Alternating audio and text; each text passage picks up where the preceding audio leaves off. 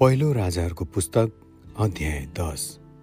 सेवाकी रानी सोलोमनलाई भेट्न आएकी जब सेवाकी रानीले सोलोमनको कीर्ति र परमप्रभुका नाउँप्रतिको तिनको सम्बन्धबारे सुनिन् गाह्रो गाह्रो प्रश्नहरू लिएर सोलोमनको जाँच गर्नलाई आइन्। तिनी एक साह्रै ठुलो लावल लस्कर साथ एरुसलेममा आइन्। मसलाहरू धेरै सुन र बहुमूल्य रत्नहरू लदाएर बोकेका उठहरूका साथमा तिनी सोलमन कहाँ आइन् र आफ्नो मनमा भएका सबै कुराहरूका विषयमा सोलमनसित कुरा गरिन्। सोलमनले तिनका सबै प्रश्नहरूका जवाफ दिए। ती व्याख्या गर्न राजालाई केही पनि गाह्रो भएन।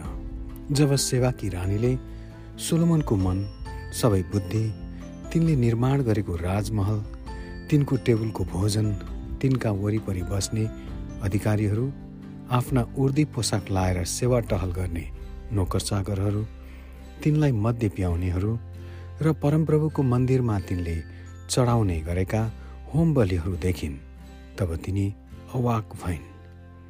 तिनले राजालाई भनिन् तपाईँका उपलब्धिहरू र बुद्धिको बारेमा मैले मेरो देशमा सुनेको कुरा साँचो रहेछ तर आज आएर आफ्नै आँखाले नदेखुन्जेल। मैले पत्याएकी थिइनँ साँच्चै यो त मलाई आधा पनि सुनाएको रहेनछ तपाईँको बुद्धि र धन सम्पत्ति मैले सुनेको कुरा भन्दा त धेरै ज्यादा रहेछ। तपाईँका मानिसहरू कति खुसी होलान्। तपाईँको सामुन्य निरन्तर उभिने र तपाईँको बुद्धि सुन्न पाउने यी तपाईँका अधिकारीहरू कति सुखी होलान्।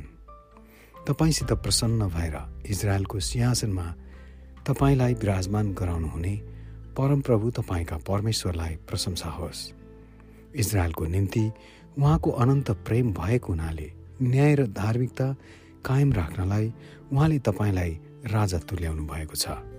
त्यसपछि तिनले राजालाई चार टन सुन प्रशस्त मात्रामा मसला र बहुमूल्य रत्नहरू दिइन्।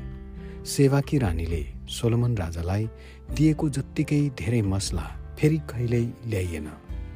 हिरामका जहाजहरूले ओपिरबाट सुन ल्याउँथे त्यहाँबाट तिनीहरूले चन्दनको काठ र बहुमूल्य पत्थरहरू जहाजमा पनि ल्याउँथे। राजाले यी चन्दनका काठहरूबाट परमप्रभुको मन्दिर र तिनका राजमहलको निम्ति अड्याउने खम्बाहरू बनाए। अनि गाउनेहरूका निम्ति बेडा र सारङ्गी यिनै काठका पनि बनाए। यति धेरै चन्दनको काठ कहिल्यै पैठारी गरिएका थिएनन् र त्यस बेलादेखि यसो देखिएको पनि छैन। सोलमन राजाले सेवाकी रानीलाई राजाले आफ्नो राजकीय उदारताले दिएका सबै कुराहरू बाहेक तिनले इच्छा गरेर माएका सबै कुरा दिए। त्यसपछि तिनी लावल लस्कर साथ आफ्नो देशमा फर्किन्।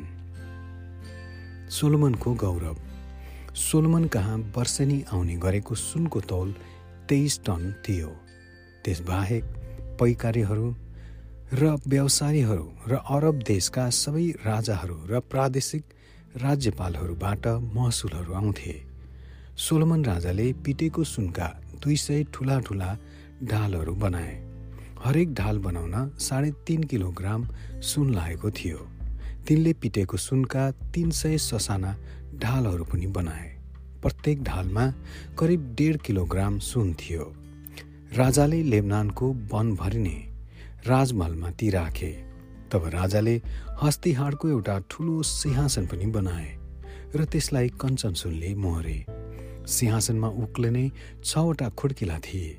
त्यसको पछिल्तिर गोलाकार टुप्पो थियो। बस्ने आसनका दुवैपट्टि हात अडाउने बाहु थिए। छेउछेउमा खडा भएको एक एकवटा सिंह थियो। छवटै खुड्किलाको एक एकपट्टि एउटा एउटा सिंह उभिरहेको थियो। कुनै पनि राज्यको निम्ति यस्तो किसिमको सिंहासन कहिल्यै बनाएको थिएन। सोलोमनका पिउने सबै कचौराहरू सुनका थिए र लेबनानको वन भनिने राजमहलमा भएका सबै सामानहरू कञ्चन सुनका थिए। चाँदीको केही बनाइएको थिएन किनभने सोलोमनको समयमा चाँदीको मूल्य थोरै थियो।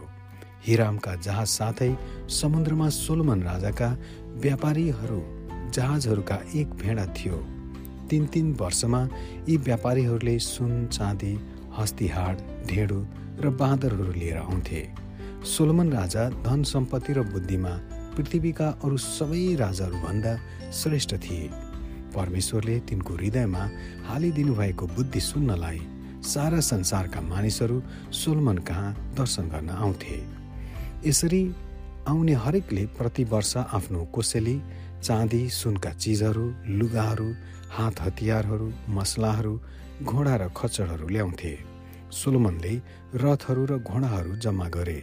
तिनका चौध सय रथहरू र बाह्र हजार घोडाहरू थिए जो तिनले रथहरू राख्ने सहरहरूमा र आफूसित एरुसलेममा पनि राखे। राजाले एरुसलेममा चाँदी ढुङ्गे सर र देवदारू चाहिँ पहाडका जङ्गली अन्जिरका बोटहरू सर धेरै तुल्याए। सोलोमनका घोडाहरू मिश्र देश र क्युएबाट पैठारी गरिएका हुन्थे। राजाका व्यापारीहरूले ती क्युएबाट किनेर ल्याउँथे। तिनीहरूले मिश्र देशबाट चाँदीका छ सय सिक्का दामको एउटा रथ र चाँदीको डेढ सय सिक्का दामको एउटा घोडा पैठारी गर्थे। तिनीहरूले हित्तीहरूका र अरामीहरूका सबै राजाहरूका ती निकासी गर्थे। आमेन।